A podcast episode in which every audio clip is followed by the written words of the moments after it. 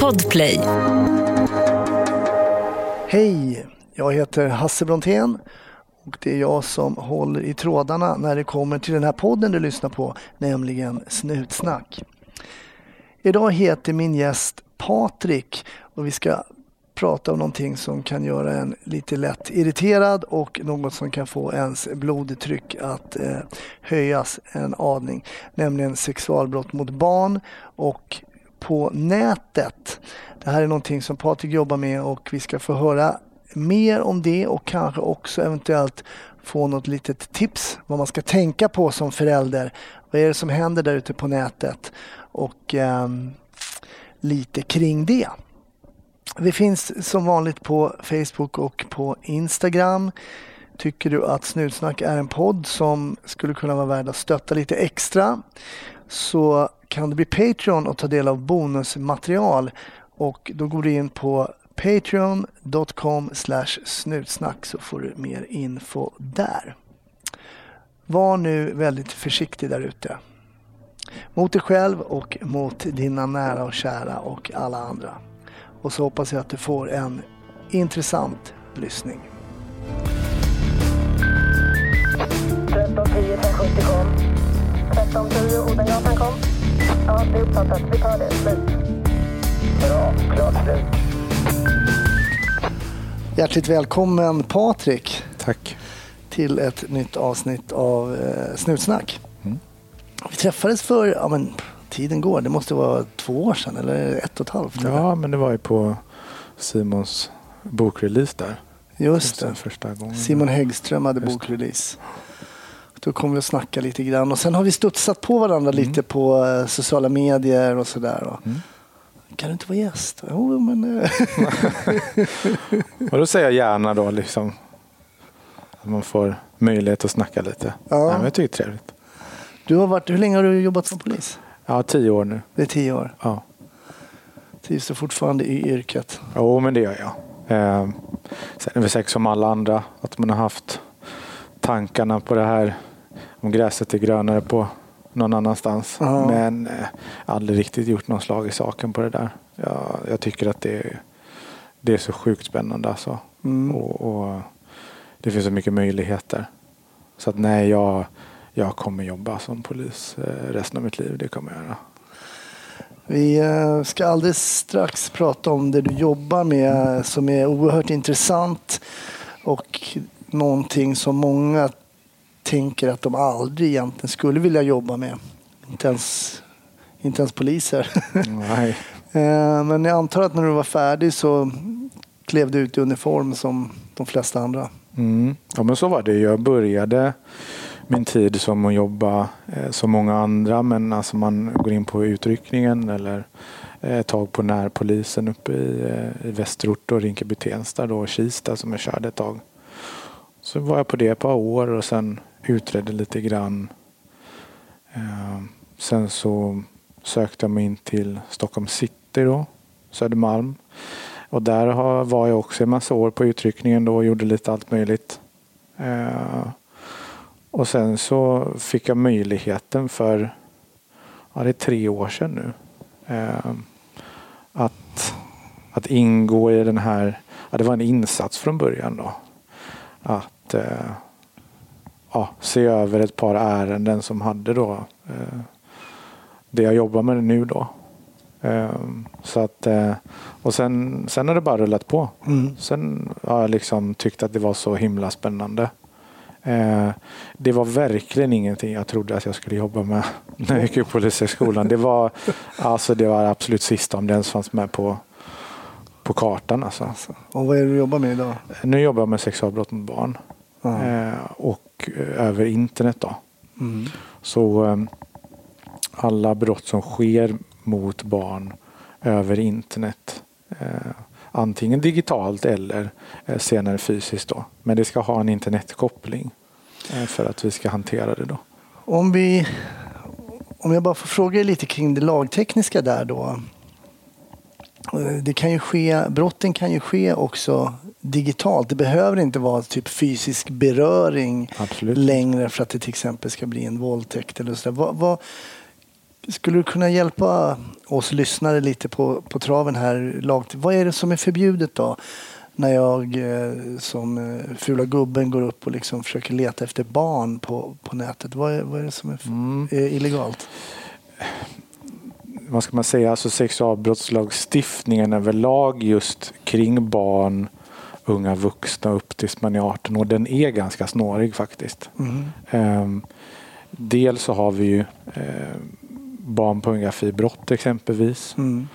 Eh, det kan man tänka sig då att det är bara barn då 15 under men det sträcker sig även upp till 18 år. Okej. Eh, om det finns vissa förutsättningar då så kan det sträcka sig upp till 18 år. Vad kan det vara för förutsättningar? Ja, det kan vara exempelvis om man eh, har eh, man är extra hänsynslös i sitt, liksom, i de här bilderna eller vad det nu som sker där. Mm. Eh, det kan vara liksom att man har en avsikt eller det är liksom att, att skada eller att det här kommer eh, vad säger man att det finns liksom den här risken för att det här barnet liksom tar illa av det här eller Mm. den här personen som är då 15-18 år kan ta illa av det här. Och i alla sexualbrott så, så är det den förutsättningen man gör då från, från praxis och så här då att, att man, man, man räknar med att, att man tar skada om man då eh, utsätts för de här sakerna då. Mm. Eh, sen så har vi liksom de klassiska sexuella ofredanden. Det är ju när man det klassiska är ju liksom en, en eh, man som skickar eh, penisbilder liksom. Eh, Dickpics. ja, det, det finns ju liksom hur mycket som helst. Alltså jag har aldrig fattat det där. Jag tror att jag är för gammal. Eh, Och sen allt däremellan liksom. Alltså våldtäkt då mot barn och sexuella utnyttjanden och allt däremellan. du som jobbar med det här och kanske pratar med mycket kollegor. Har du någon gång hört talas om en person som har fått en dickpic och tänkt så här, men det här var ändå en bra start på en konversation. Nej, Eh, jag hör av mig tillbaks och ser vad vi kan inleda kanske en relation. Nej jag, jag föreläser ju en del också. Jag har fått den frågan flera gånger faktiskt. Ja, Eh, dels är det en eh, manlig företeelse. Mm. Det kan vi ju begränsa oss till i alla fall. Det finns eh, personer då, man eh, kommer senare in på att prata pedofili och sådär. Då. Det finns ju kvinnor i statistiken också. Eh, men det är helt klart överrepresenterat av män. Mm. Eh, 90 procent är män i alla fall. mm. Men i de här fallen när man skickar dickpics, ja men då är det ju män som gör det. Av fysiska skäl. Liksom. Och nej, det finns ingen kvinna, man, flicka, pojke som jag har träffat som, eh, som tycker att ah, men det här var nice. Det här går vi vidare med. Eh, verkligen inte. Alltså det eh, nej, det finns det inte. Men då är det sen- helt enkelt att personen går igång på själva det här att skicka Bland annat. så att säga. Ja. Bland annat det kan vara en, en, eh, någon form av maktutövning. Mm. Du vet att liksom motparten kommer ju kanske klicka upp den här på, om vi tar Snapchat exempelvis. Mm. Någon skickar en dickpic och så klickar någon upp den så vet du om att så här, andra ser det här. Det kan vara en del. Mm. Ehm, det kan ju också vara liksom att och just det här då att man har den här sexuella eh, det finns ju någon form av sexuell njutning i det ändå. Mm. Eh, Sen vad det mest beror på om det är dels helt det sexuella eller om det bara är för någon form av maktutövning. Det, det vet jag inte. Men, eh, Men rent lagtekniskt då så är då en dickpic ett ofredande? Ja, sexuellt ofredande. Sexuellt ofredande? Och eh, i de fallen när vi har då eh, barn exempelvis, nu gör man inte en, en differentiering på det då eh, eh, hos polisen. Liksom så här. Vi har inte olika brottskoder just för så här, sexuellt ofredande om det finns exempelvis då om de blottar sig på stan eh, för en minderårig eller om man gör det digitalt. Då. Okej. Eh, förhoppningen är att man rättar till det där lite så man kan få lite Mm. bättre statistik. Då. Men eh, nej, eh, det är ju just det att man man eh, skickar bilder och i och med att det är ju sexuellt i och med att det är en dickpic liksom. Mm. Och då är den oönskad de allra flesta gångerna och då är det ett brott. Mm. Eh, sen så spelar det i de fallen heller faktiskt ingen roll om den som är underårig då faktiskt har bett om bilden och, Aha, du, och, okej. du, och du är vuxen så är det ändå olagligt även om vem som har initierat den om man säger. Jag förstår. Sen kan det bli svårt bevistekniskt kanske i vissa fall då. Mm. Sen, men, men du som vuxen ska ha liksom lite bättre kompass och förstå det där. Liksom. Om vi då går, om vi tänker att sexuellt ofredande är en av de lägre liksom, Mm. eh, gärningarna där rent straffmässigt också. Va, va, om vi går uppåt lite i straffskalan då, vad kan man göra, be, begå mer för brott? Ja, alltså nästa som är ganska vanlig då det är utnyttjande av barn för sexuell posering Mm. eh, och kontakt för att träffa barn i sexuellt syfte. Det är två stycken. Och det är ju dels att man, man tvingar, får man väl ändå säga, man tvingar ett barn att, eh, att posera sexuellt. Ehm, och göra kanske olika sexuella liksom, ställningar, eh, handlingar och så vidare. Eh, och sen så att man då, det dokumenteras då. Man, man hotar barnet till att exempelvis skicka det här till mig annars så händer det här. Mm. Eh, jag kommer kalla dig det och det och det, sprida det här till din skola. Finns det liksom den här tvångssituationen att man blir väldigt rädd då givetvis. Mm. Eh, alternativet att man betalar för det. Eh, och det kanske på ytan verkar lite någorlunda frivilligt liksom att, att det, det mindreåriga liksom ja, kanske verkar då frivilligt ta emot någon form av betalning för bilder då och sådär. Men det finns ju alltid någonstans i de här fallen eh, någon form av liksom du kan ta ut micken lite. Då. Ja, precis. Ja, någon form av liksom tvång eller upplevd press hos den som är utsatt. Liksom. Mm. Det, frivilligheten är ganska frånvarande Mm. för det mesta. Liksom.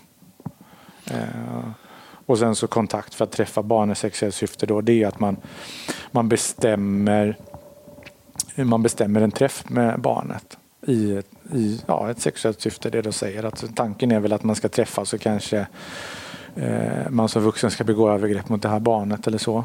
Eh, det kan ske, man har ändrat den lagstiftningen så det kan ske både digitalt, själva träffen om man säger, Mm. och fysiskt. Då. Det. Eh, Så det, innan så var det, ja, man får väl säga att det fanns med den fysiska linjen innan då. Man måste ha då de här klassiska fallen att man måste ha förberett sig jättemycket då. Man ska, som gärningsman ska du ha liksom köpt en tågbiljett och vara på väg och man ska ha bestämt massa saker då på förhand. Men nu krävs det inte det.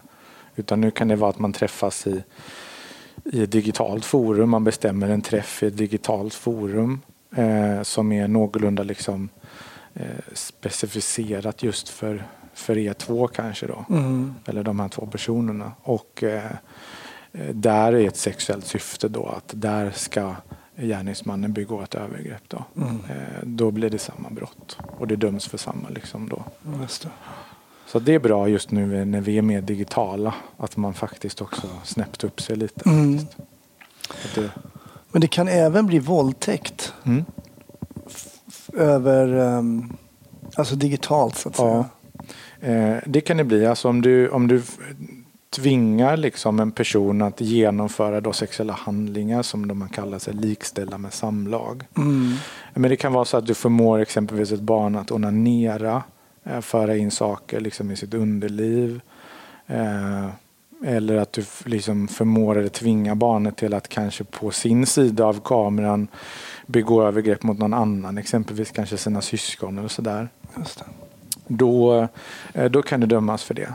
Sen är det lite snårigt i lagtexten för man, man ser gärna eh, de fallen när man döms för våldtäkt där, då, då måste det ske live.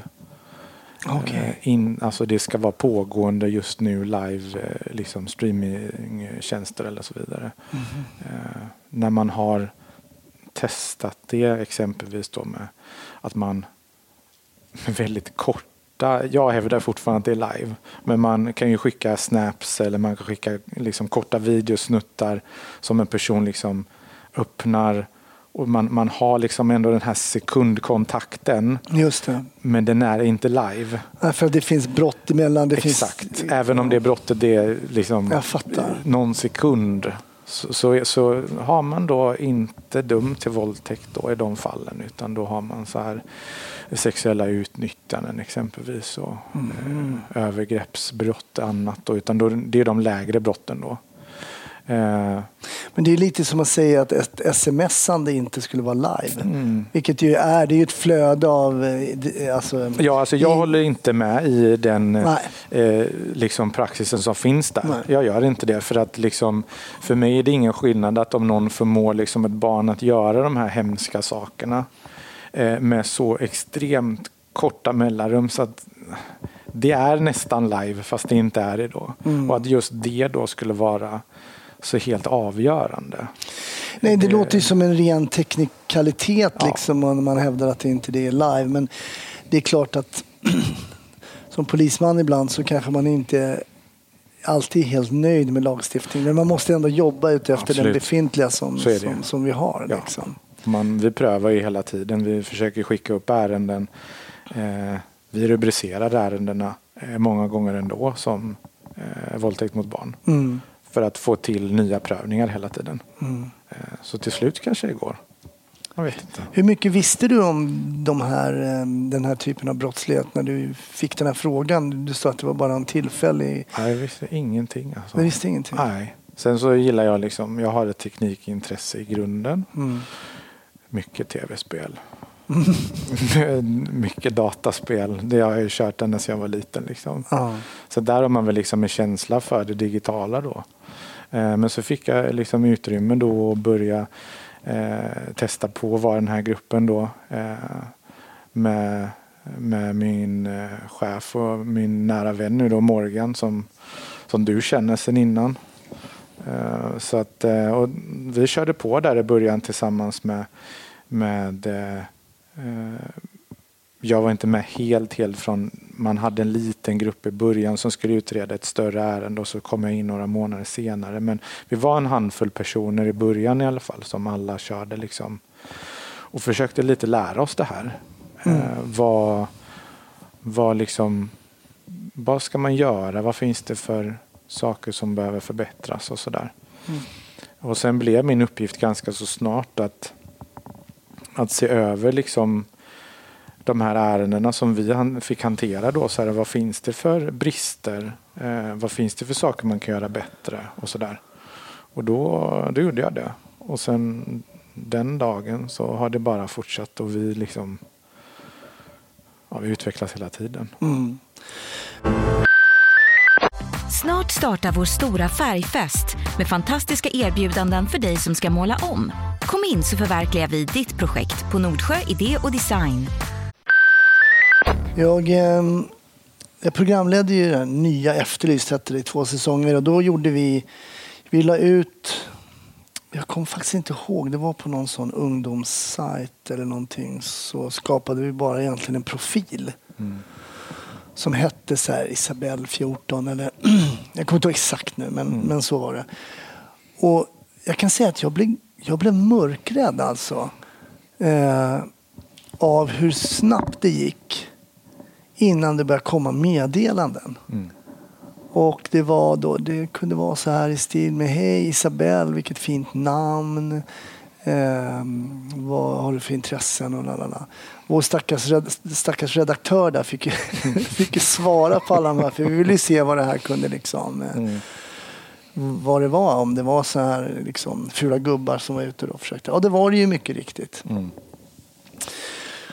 Och en av de här mötte jag upp. Han åkte då från Dalarna, eh, en ort i Dalarna, till Enköping mötte vi upp honom.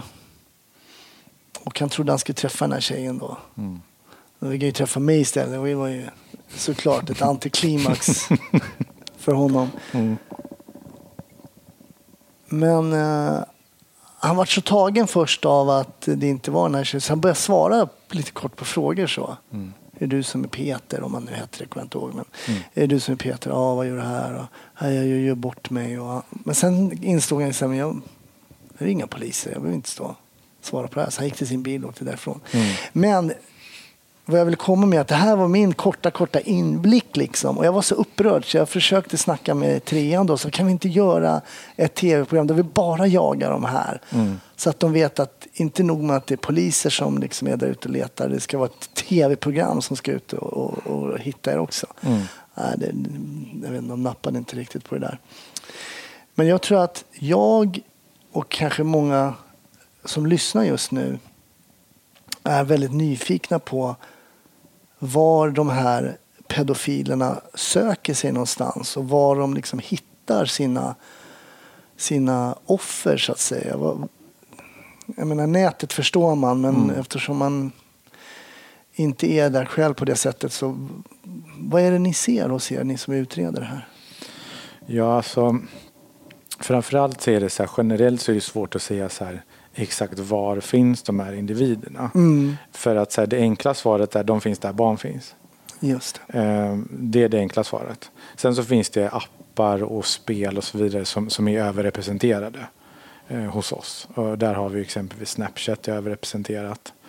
Eh, sen så har vi en hel del liksom, eh, spel, eh, en hel del liksom, vi har vill inte hänga ut dem vid namn då, Mm. men det finns ponnyridningsspel. Det finns som kanske riktar sig mer då generellt mot flickor. Eh, och sen så finns det även spel som generellt mer riktar sig mot pojkar då. Mm. Eh, där man, den här stereotypen liksom att flickor gillar hästar och pojkar gillar vapen lite. Det Mm. finns ju massa sådana spel. Mm. Men alla de plattformarna finns ju även de här personerna på då. Så du menar att de går ut då på letar upp då till exempel då hästspel eller något sånt där och går in och försöker chatta eller bli kompis med... Precis. Och det finns ju lite olika så här, vad ska man säga, tillvägagångssätt som de gör det på.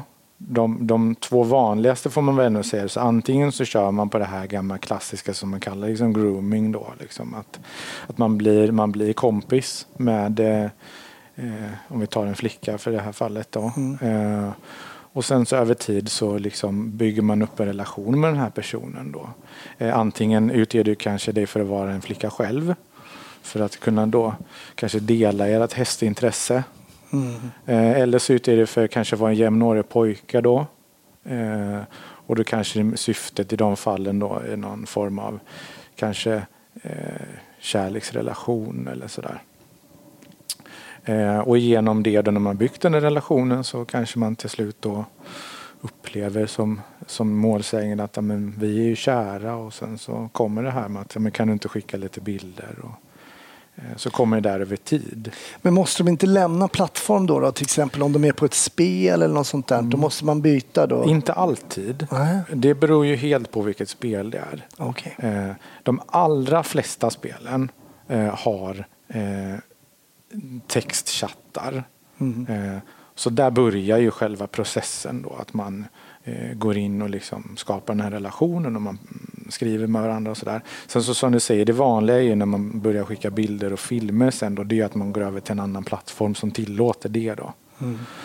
Eh, och den andra sättet då det är mer att man är liksom pang på då. Att man så här, går in och hotar nästan direkt då. Att så här, ja hej, jag vet vem du är, skicka de här bilderna, skicka på dig naken, eh, annars så händer det här. Eh, och båda, båda funkar, båda är effektiva. Eh, gärningsmännen lyckas liksom att få de här bilderna och filmerna. Det som vi ser är ju mer förekommande den här alltså andra versionen då när man är hård och går på direkt och hotar och är eh, jäkligt elak liksom. Eh, det är som det är dödshot, det är utpressningar och det är det här man hänger ut dig liksom. Eh, Och vad, har man redan fått någonting då alltså, att hota med eller, behöver, eller kan man bara hitta på? Att, Ja, både och. Alltså, Mm. Ibland så kan man räcka med att du kanske har skickat en ansiktsbild på dig själv eh, till då den här gärningsmannen. Då. Mm. Eh, och på det så, så spinner han vidare då. Att så här, ja men du är så lössläppt så du liksom, du skickar bilder till vem som helst. Jag kommer hänga ut dig som en hora för din skola. Och så vidare och så vidare. Och sen så spinner det där på då. Att om inte du gör det här för mig så sker det här då. Mm. Eh, men det behöver heller inte vara någon bild alls skickad från början. Utan det kan vara bara sådär att som du säger att man har skrivit lite och sen så är det ganska det är väldigt enkelt ska jag väl säga att hitta någon eh, via liksom eh, digitala medier idag. Vem, eh, vem någon är, var de bor, Mm. eh, vad, liksom, vad för sociala medier de har, vilken musik de lyssnar på, vilka spel de spelar. Alltså det är ju, det tar inte många minuter att hitta ganska mycket information om folk. Och det kan man utnyttja då till exempelvis. Att man liksom hotar med det. Jag vet att din mamma och pappa heter så här. Eller ni bor där. För det har man kanske kollat upp då på en enkel sökmotor bara. Mm. Och när det riktar sig mot barn så, så förstår de ju inte många gånger då, eh, yngre barn, att så här, men han, han, han vet verkligen vem jag är. Han vet liksom, han kanske står utanför min dörr nu för han säger att jag kommer dit om tio sekunder då och ska Mm. döda dig om du inte gör det här. Eh, och det är ju givetvis falskt då för det, det sker ju inte. Mm. Men, men eh, det, man förstår inte det när man är den liksom pressade situationen. Nej. Och då, det utnyttjar man ju då. Alltså man blir så jävla förbannad Ja, det- när... Eh, alltså, man får ju onda tankar eh, när man utnyttjar barn på det här sättet. Och hur hanterar du det liksom då? Det är ju ditt jobb. Vad, hur initialt när du hade du några tankar så här, "Pff, ska jag, eh, mm. Ungefär, jag vet, jag var ju lärare på skolan, det var ju när folk skulle se sin första avlidna person. Liksom. Man bygger ju upp någonting som, när man inte har varit med om saker så vet man inte. Men hade du sådana tankar kring att jobba med de här ärendena till exempel? Innan du... Alltså det är klart, jag, hade, jag var, jo men det är väl klart som, som alla andra tror jag. Att man är så lite orolig, vad är det jag kommer få se liksom. Eh, Jag har tre små grabbar själv hemma. Eh, Så det är ju lite så här, fan ska jag jobba med det här? Mm. Jag kommer ju se liksom barn som utsätts för alltså de mest vidriga sakerna man kan tänka sig. Liksom. Mm. Men eh, jag gjorde väl lite så här, ja, vad kallar man det? Lite självmedicinering i början. Att så här, jag utsatte mig själv väldigt mycket för. Eh, jag sökte upp liksom sådana här forum där, där de här personerna fanns. Mhm. Både då på det liksom öppna, eller vad man kallar clearnet, då, liksom, alltså vanliga internet egentligen. Eh, som de flesta känner till, men också dark eh, och dark web. Liksom, där de kanske lite mer grövre grejerna finns. då. Eh, och det var egentligen syftet så att så här, hur, hur går det till? Hur funkar de här personerna? Vart finns de? Hur snackar de? Vad gör de? Eh, vad går de igång på? Varför gör de det här? Eh, Hur blir du pedofil? Varför är du pedofil? Alltså det finns så mycket frågor. Eh, och, och det är liksom så här, jag utsatte mig medvetet för de här sakerna. Liksom.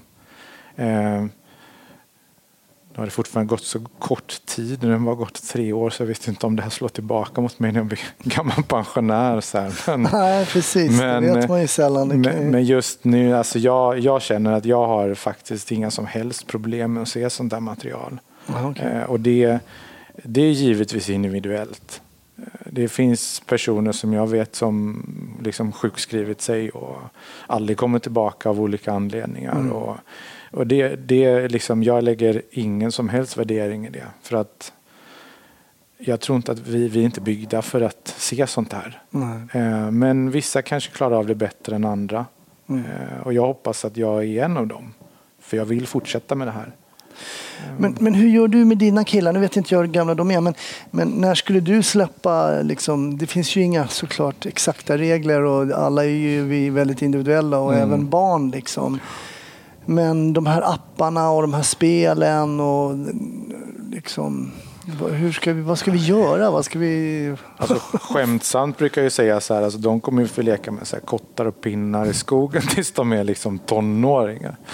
För att liksom så här, eh, men man kan inte heller begränsa man kan inte liksom ta bort mobiltelefon i all oändlighet och sånt där. För de, de hittar nya vägar. Ja, men om inte du ger dem en mobiltelefon sen, det blir lite så här, ja, hur ska man vara bra förälder? Mm. Men, Nej, det är alltid svårt. Ja, men alltså de kommer hitta andra vägar. De kommer låna någon kompis mobiltelefon. Mm. Eh, De kommer låna en kompis dator. De surfar på skoldatorerna. De, man hittar alltid andra vägar. Barn är smarta liksom. Mm.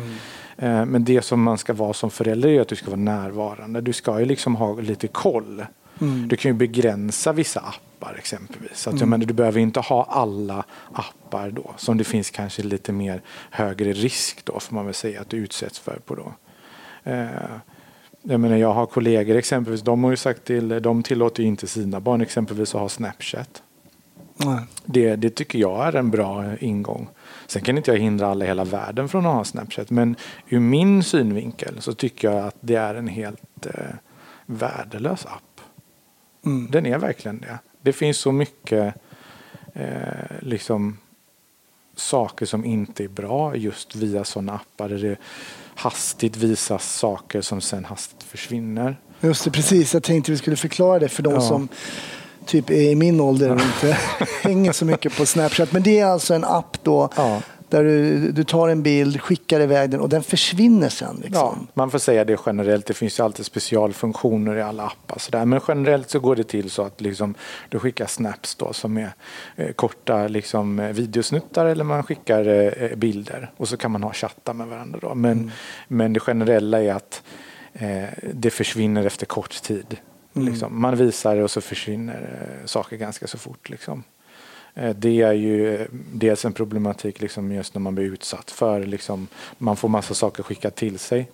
Det är svårt att liksom hinna med kanske och fatta vad var det en såg. Eh, och sen så vill man ju då gärna från polisen att man kanske ska då dokumentera det här då. Mm. Men det är ju borta. Ehm, sen så kan man ju få fram sån där information på lite andra vägar då genom, genom Snapchat som företag och sånt som polisen kan göra då. Men, men det är klart att det finns ju sådana tjänster som, som liksom är uppbyggda så att det ska liksom snabbvisas. Det finns, det finns ju krypteringsappar om man har så Wicker exempelvis. Det liksom bygger på samma princip att liksom du skickar ett meddelande som är krypterat då, och sen så när motparten läste då eh, så försvinner det exempelvis. Eller du kan sätta en timer på hur länge meddelandet ska synas innan det försvinner. Alltså det finns många sådana där tekniska lösningar på många appar. Att det finns liksom någon grundsyfte i det. Att så här, det ska inte finnas kvar för alltid. Liksom. Eh, Sen vad baktanken är med det, det, den kan man utnyttja. Vem som helst kan utnyttja det av många olika anledningar. Men jag tänker bara att det finns då utredare som utreder de här brotten dagligen som säger till sina kids liksom att nu ska inte ha till exempel Snapchat för det tycker inte jag är bra.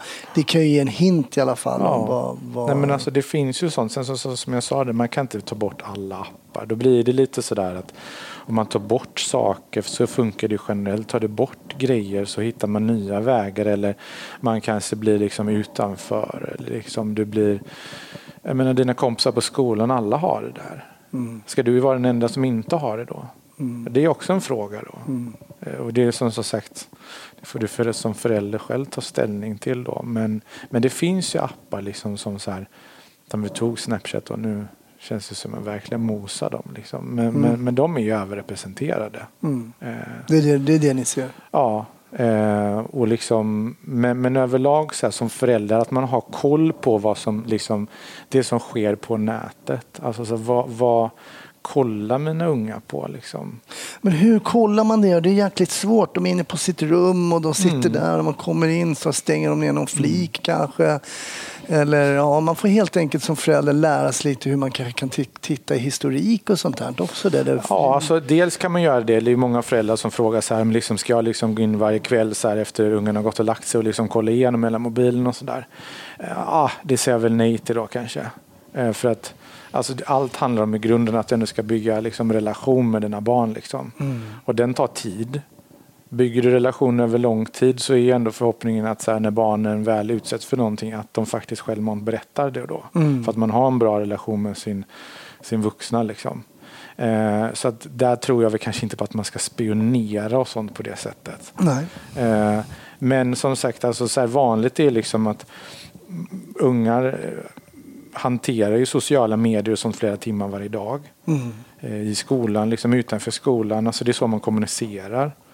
Eh, varför inte själv som vuxen vara där då? Varför inte själv liksom ha konton som man kan snacka med sina ungar?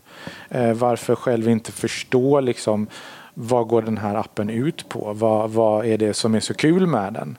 För det är därför man har den. Ungarna har ju inte apparna för att de är liksom tråkiga eller att liksom man vill utsättas för brott. Utan du har ju det av någon positiv anledning oftast. Eh, spelen är roliga och så vidare. Men sätt dig in i det då. Förstå så här, vad är det som är så himla kul med den här appen. Och då kanske man också har en förståelse sen då. Liksom, att ah, men okej, det är då man kan se de här risksituationerna. Då. Okej, den här appen har då eh, att man kan sända video live exempelvis. Ja, det är kanske en riskfaktor då. eller den här appen eller spelet finns det möjlighet att skicka bilder och filmer mellan användare. Det är en risk. Mm. Där skulle jag, liksom, om man skulle säga någonting, men begränsa sig till appar och spel som kanske bara har chattar då, textchattar. Eh, då kan du i alla fall inte utsättas för det här visuella direkt. Då. Nej, men sen kan du fortfarande bli liksom utsatt för övergrepp, att man skriver hemska saker och så. Men, men det är på en annan nivå. Mm, liksom. Mm, och där det ändå krävs ett extra steg som vi snackade om att du behöver gå över till en annan plattform då, liksom, för att fortsätta det där. Då. Kan man se, jag tänker på de målsägande som ni har då. Mm. De som blir utsatta för det här. Kan man se, vad är det för typer? Kan man se, är det bara total random? Eh, eller kan du se någon, något mönster av något slag? Eller hur ser ja, det ut där? Alltså, det som vi ser är att det finns en viss överrepresentation om man eh, liksom har det man kallar då så neuropsykiatriska diagnoser. Eh, man är autistspektrat kanske. Man har lite, vad ska man säga, eh, man har lite svårt att förstå liksom orsakssamband. Vad är det liksom som sker? Om man har lite sådana diagnoser som, jag är inte jättepåläst på diagnoser så att jag vill inte gå in på det minfältet. Liksom, nej, och, nej. och döma ut sådär och vad det, hur det yttrar sig och så vidare. Men, men just konsekvenstänk och att man inte liksom riktigt kanske förstår att att den här personen jag pratar med, det kan ju faktiskt vara en, en vuxen man då. Mm.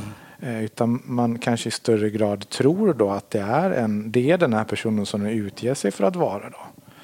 Eh, så där har vi helt klart personer som, som har då exempelvis liksom eh, Asperger-spektrat eller att man liksom har den här problematiken att man, man är överrepresenterad då, mm. som, som målsägande. Då. Sen så var man kommer ifrån, för kanske så här man ska prata delar av samhället, liksom, olika liksom, social klass och så vidare. Så här, då finns det ingenting som, som egentligen pekar på så här, bara för att du liksom bor i ett hem där du kanske inte har det lika bra förspänt som, som några andra. Att det skulle vara liksom eh, överrepresenterat så, då är det andra faktorer. Att här, man har psykisk ohälsa. Det kanske finns då en problematik annars i familjen. Eh, kanske finns drogmissbruk eller misshandelssituationer. Mm. Alltså det finns annat runt omkring som påverkar det. Mm. Men det kan ju ske liksom vart som i samhället. Det har ju liksom ingen så bindning till just det, det är liksom socioekonomiskt om man säger. Ja, jag förstår. Och hur kommer de här anmälningarna in till er? Vem är det mm. oftast som anmäler? Hur kommer det här brottet just till er kännedom? Mm de allra flesta vi får det är ju via då, alltså PKC, alltså polisens 114 14. Mm. Där kommer de allra flesta. Eh, sen så får vi, och då kan det vara både liksom modiga barn som, som ringer in själva och säger att de har blivit utsatta och får då liksom prata med en operatör och så tar man upp en anmälan. Eller så är det en vuxen som barnet har berättat för som ringer in då. Eh, eller så kommer det via socialtjänsten. Att de har, de har en, en utredning på ett barn eller en familj och så uppkommer det då misstankar om olika saker. Eh, och då eh, kan det komma in den vägen. Och sen givetvis att vi själva upptäcker då när vi när vi liksom är i de här forumen på nätet. Eh, vi får olika tips som man jobbar vidare på. Man har ett ärende i grunden som, som växer och växer och växer. Eh, men det absolut vanligaste är ändå liksom via eh, polisens växel. Mm. Det här skulle man kunna prata om hur länge som helst. Det är väldigt spännande även om man blir upprörd. Mm. Jag brukar alltid... Jag har pratat med en kille innan, Peter, som jobbade med samma typ av ärenden. Då. Eh, och där var det faktiskt en ungdom som kom till sin förälder och hade liksom faktiskt Ja, det började med att han blev upphämtad av en, eh, blev skjutsad av en kille i en SL-bil. Mm. Och den här personen då som jobbade då där ställde ganska mycket konstiga frågor. Just så här, har du legat med en snubbe någon gång och lite sånt där. Och han åkte hem och berättade det här. Och det ledde i sin tur till ett väldigt liksom, intressant ärende. Ni som inte har lyssnat på det eh, ärendet borde göra det. Det var väldigt intressant. Men vad har du för minne ur din liksom, polisiära karriär som poppar upp om jag frågar dig? Mm. Alltså det är så här, jag funderade på det här innan. Alltså det, det är nästan så det går ihop. Alltså. Mm. För det, det, det är väldigt likartade ärenden i slutet. Alltså så här, det, Mm det är grova övergrepp, det är våldtäkter och sådär. Men, men eh, jag vet liksom ett ärende som så här. Eh, jag kommer ihåg liksom av, av många olika anledningar egentligen. Och det var att eh, vi hade spårat en person eh, online då till lite olika plattformar. Där han eh, var ganska öppen, så här, bilder på sig själv och tog kontakt med barn och var ganska så här arrogant i att ja, men ingen kan ta mig. Liksom. Lite, Mhm. lite det mindsetet då eh, fick jag ändå någon form av upplevelse om. Då. Var det någon som hade liksom uppmärksammat hans eh, Ja, sätt inte från oss från början utan det här var ju liksom anmälningar som kom in Mm. då. Liksom. Men sen så spinner vi vidare på det där och så spårar upp honom och så här. Så ledde ju det liksom till att vi åker ju alltid ut och spanar lite. Föreka lite inför tillslag och sådär. Eh, och då bodde han där ett, eh, ett bostadsområde och eh, när han var på väg till jobbet då på morgonen så, så slog vi till då. Av vilken anledning slog ni till då? då? Ja, I det fallet var det ju för att så här, men då har vi lite, när vi gör husrannsakningar så, här, så är det nästan alltid, ja, vi får säga alltid, men det finns vissa undantagsfall, så har vi en åklagare som leder förundersökningen. Liksom. Mm. Så de har beslutat på förhand att ja, vi har så pass mycket eh, på den här personen så att eh, det är inga problem att slå till nu och vi ska liksom, eh, slå till för att liksom, säkra digital bevisning eh, och eh, gripa den här personen. Liksom. För att säkra utredningen då. Eh, och i de här fallen så, så hade man ju lite eh, man hade ju lite utredningsmaterial innan för vi brukar alltid eh, komma så långt att vi brukar ändå hitta det här dokumenterade övergreppen mot barn och lite vad de har gjort innan. Eh, så att eh, ja, nu är det en diskussion i sig men så här, när man pratar om olika misstankegrader och skäl är misstänkt och sannolika skäl och sådär så vi har ganska mycket på de här personerna innan vi väl slår till. Det är liksom inte så här en chansning på är det den här personen som... Det är inte bara att det har luktat lite hasch brevlådan Mm. Nej, när man precis. De, det har man ju själv kört när man kör narkotika, att det luktar lite hasch i trappuppgången. Liksom. Men, nej, men så är det att jag menar, vi har eh, IP-spårningar. Eh, vi har eh, liksom, kanske bilder, filmer, vad personen har sagt och gjort. Alltså, vi har, Då känns det som att ni i alla fall har passerat skäligen misstänkt. ja, men liksom det vill jag nog också hävda många gånger. Mm. Och då, det som är skönt med det, så här, det är att liksom, personligt kan man ha en liten annan approach på det. Så här, att liksom, det första kommer så här, det var inte jag. Ja, det kan vi väl diskutera då. Men, men det finns mycket som talar för att det är det mer än vanligt. Liksom.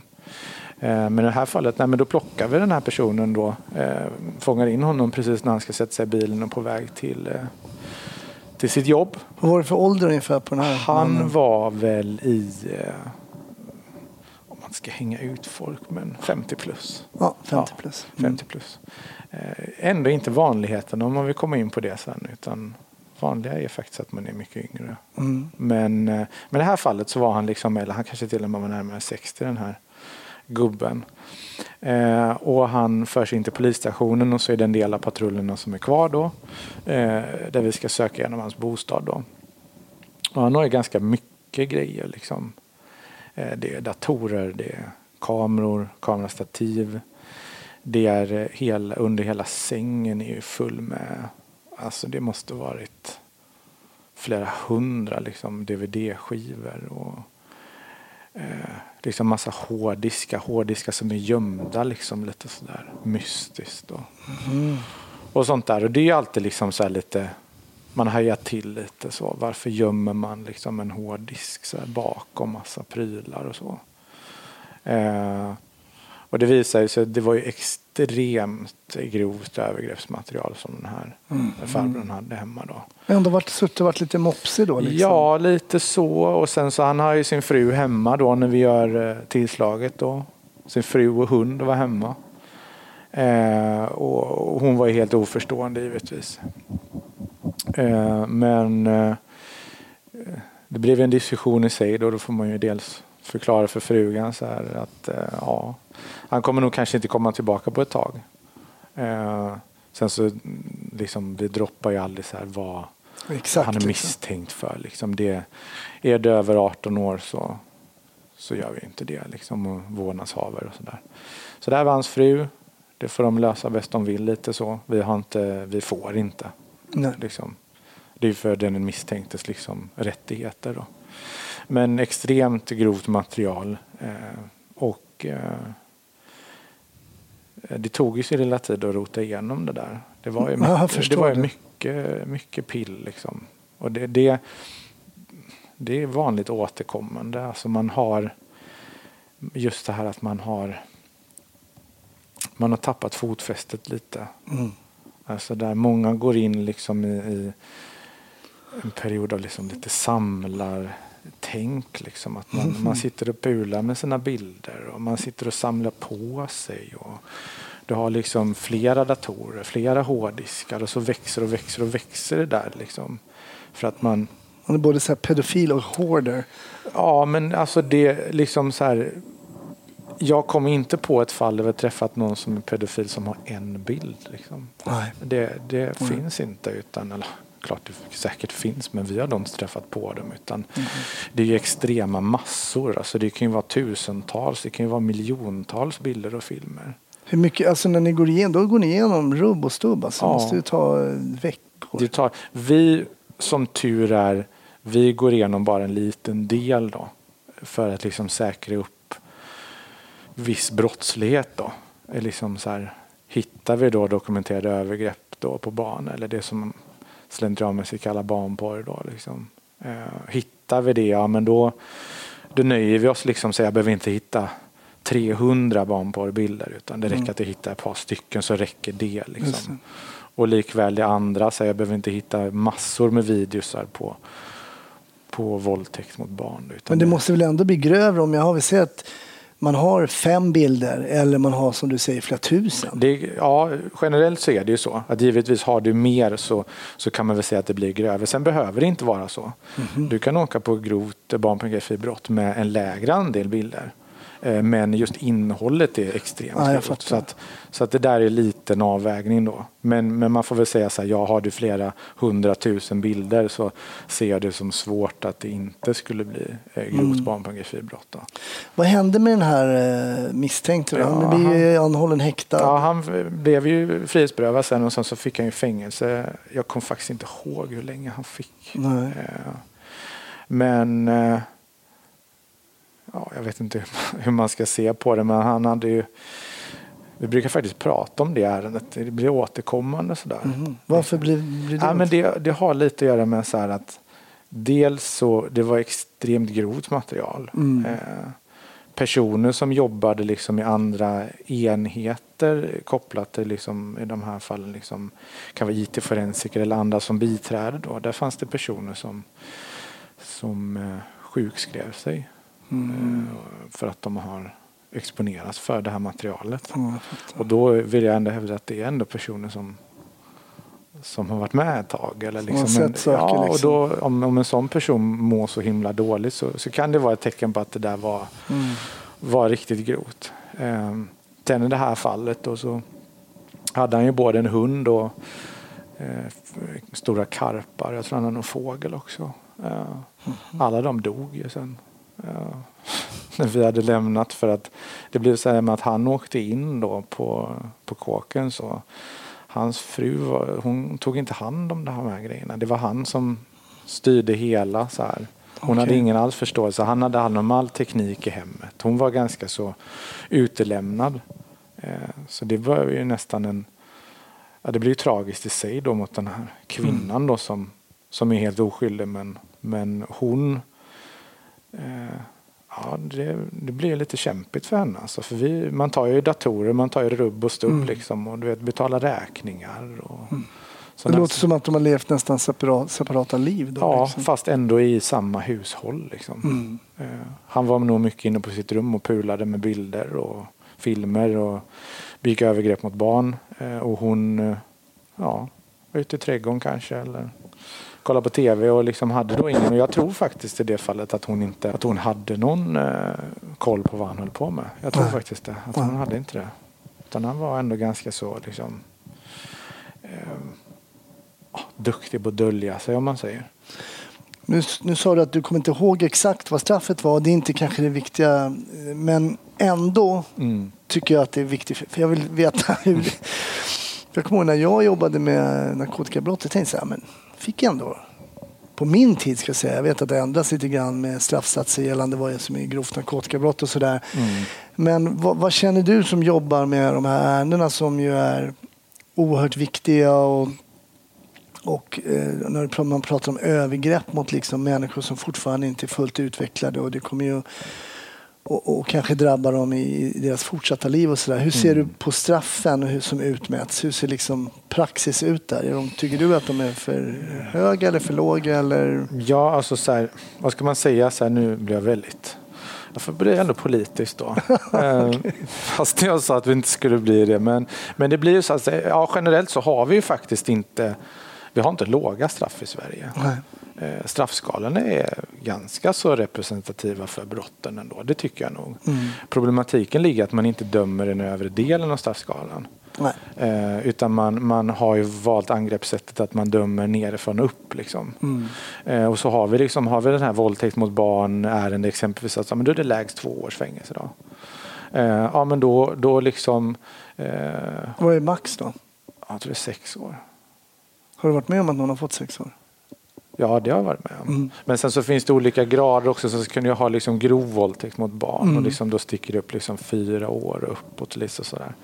Eh, men, men generellt så blir det liksom så här, man börjar liksom från lägre straffskaledelen liksom, och jobbar sig uppåt. Och, då, och det är så som all praxis ser ut för liksom alla brott. Mm. Eh, att man börjar liksom nerifrån upp. Och det där eh, tycker jag personen är lite fel. Mm. Jag tycker det. Sen så kan man komma in i diskussionen då liksom så här om, om längre straff påverkar liksom återfallsrisken i brott och sådär. då. Att liksom, Fan, jag skiter i de här förövarna. Om jag ska vara helt ärlig så skiter jag ett stort stycke i det. Jag vill att han ska sitta i fängelse så länge som möjligt. För jag vill inte att det ens ska finnas risk att de ska få återfall. Sitt inne på kåken. Alltså Eh, de tankar, jag har ju dem också. Jag är inte en robot. nej. Så är det. Men så här, jag försöker själv lite så här, påverka det där också politiskt faktiskt. Mm. Just för att se möjligheterna till att så här, eh, en brottsförebyggande grej i det vi- som vi precis snackade om. Det är ju så här, alltså sitter du inne så kan du inte begå övergrepp. nej. Det är ju ganska, ja, det är hård fakta. Att Ja, sitta- om du inte har en dator. då om du inte har en dator då. Men det vill säga att du sitter på en sluten anstalt och du har restriktioner och du har inte tillgång till mobil, eh, datorer och så vidare. Mm. Då, då är det klart att då kan du inte begå övergrepp mot barn eh, liksom på utsidan. Det är ju extremt svårt. Mm. Så i den meningen är långa fängelsestraff eh, förebyggande. Mm. Sen som man ser då på det vidare så här just det här alltså återfallsrisken i brott om du sitter ett långt fängelsestraff kontra ett kortare fängelsestraff så är det ju snarare så att det tenderar att du har en högre återfallsrisk eh, om du sitter längre. För att du har varit exkluderad så pass länge och liksom kanske knutit kontakter på kåken. Eh, Du känner dig utanför, du kommer tillbaka till samhället som är helt förändrat från när du åkte in. Eh, Så att det här liksom utanförskapet är ju en jätteriskfaktor för att återfalla i brott. Då. Mm. Eh, Så att liksom så långa straff, ja, det- beror lite på alltså. Beroende på vad man vill uppnå liksom. Mm. Nu frustar du liksom. Mm. sådär. Men- nej, men- det är ju såklart inte helt så enkelt. här, nej, det är inte det men- enkelt. Och liksom så här, just när man snackar om det här. Jag menar så här, om, om mina barn skulle utsättas för en sån här person. Jag skulle ju vilja liksom att personen satt inne för all framtid. Mm. Eh, så är det ju.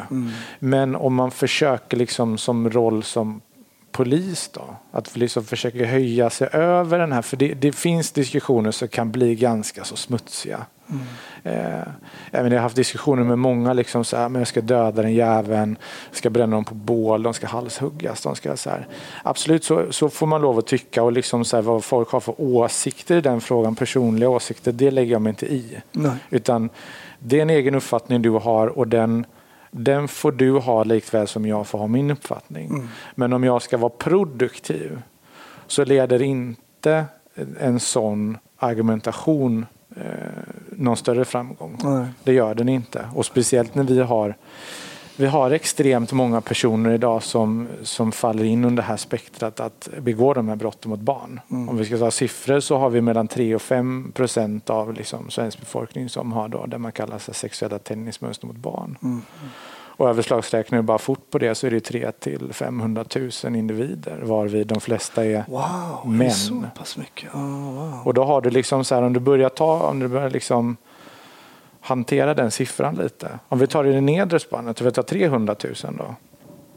Som studierna visar då ändå till mellan 3 och 5 procent om man utgår för. Det är en norsk studie bland annat men den är, man, kan applicera den på nordiska länder.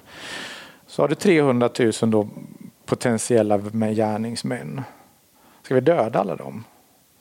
Det är inte rimligt för att de personerna kanske har eller de har. Just, det är inte så lagligt heller. Nej, det är inte så lagligt och så, liksom, det skulle inte funka. Liksom. Men, men de här personerna, det är liksom förhållandevis vanliga personer. De har jobb i mm. lika stor utsträckning som, som andra. De mm. har, eh, de har, ja, eller de har utbildning i lika stor utsträckning som andra, högre utbildning i lika stor utsträckning som andra. Men, men i de fallen så har de mer sällan jobb, så om man uttrycker mig så. Som utbildar sig men kanske inte lika stor andel som eh, arbetar. De har familjer i lika stor utsträckning, barn i lika stor utsträckning men de kanske inte träffar sina barn mm. i lika stor utsträckning. Så det, det är vanliga men risken att bli ertappad tänker jag borde vara någonting som i alla fall skulle, och då kanske inte bara av polisen utan, ja jag nämnde det där programmet eller vad som helst. Mm. Det tänker jag. Vi ska prata mer lite om det här också i Patreon-avsnitt också. Ja. Jag tänkte jag skulle fråga lite hur det är att prata med barnen och hur föräldrarna reagerar och sådär också. Men jag ska avsluta det här avsnittet som jag brukar göra och fråga om eh, dina referenser när det kommer till polisfilmer. Mm. hur ser det ut där? Jo, alltså jag, som många andra poliser faktiskt som jag har kontakt med. Så jag har ändå en senaste serie som, som är positivt överraskad på. Eh, den går på SVT Tunna blå linjen. Mm. Eh, jag tycker faktiskt att den speglar ganska bra, så här, i alla fall min tid som jag, nu var jag ändå massa år på utryckning exempelvis. Mm. Så just det här alldagliga, hur du möter liksom eh, missbrukare och liksom hur du blir bemött och blir bespottad. Det är liksom inte en dans på rosor att du ska glida runt och käka glass. Liksom. Det är inte verkligheten. Nej. Utan du möter, liksom, du får den här, du möter den här verkligheten som många andra inte gör. Liksom. Jag tycker att den serien speglar eh, faktiskt polisyrket ganska bra jämfört med andra då. Mm. Ta ja. typ Beck eller liksom, ah, Gunvald Larsson. Det är kanske lite så här. Ja, vi har sagt att vi ska börja kolla på tunna blå linjen, men vi är ju inne i ett Suits-race. Ja, hemma. Suits är bra. Ja. Jag har sett alla de avsnitten. Ja. Det är fantastiskt. Så det är mycket Harvey Specter här just ja. nu. Men, men jag har förstått att den här tunna blå linjen är väldigt intressant också, mm. som du säger, visar polisyrket från en ganska liksom verklig, visar en verklig bild av yrket. Mm jag tar den som ett tips, för jag har inte sett den. Nej, men jag tycker det. Eh, jag har liksom sett alla avsnitten hittills och den finns ju på vad är det, SVT Play och sånt där. Mm. Men, eh, nej, men jag tycker att den är bra. Och just det här att jag vet att jag pratat med en hel del, jag har ännu kontakt med en hel del polisstudenter mm. och polisaspiranter som är så men är det sådär liksom? Ja, men alltså om, om något så, så träffar den kanske ganska nära i alla fall. Mm. Om vi så, så ska jämföra med Beck eller så Johan Falk eller liksom sådana här grejer. Ja, men nej. det är lite mycket action kanske. Ja. Eh, så- Det vill man ju ha ibland också. man vill ha det ibland också och det, det har man ju ibland också Mm. givetvis. Men jag tycker att, jag tycker att den här serien nej, men den speglar ganska bra faktiskt. Ja, grymt.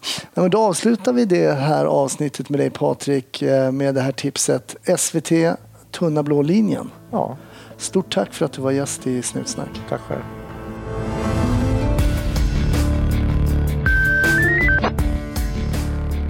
Stort tack, du har lyssnat på Snutsnack. Det här avsnittet är över. Vi tackar Patrik för väldigt intressant information.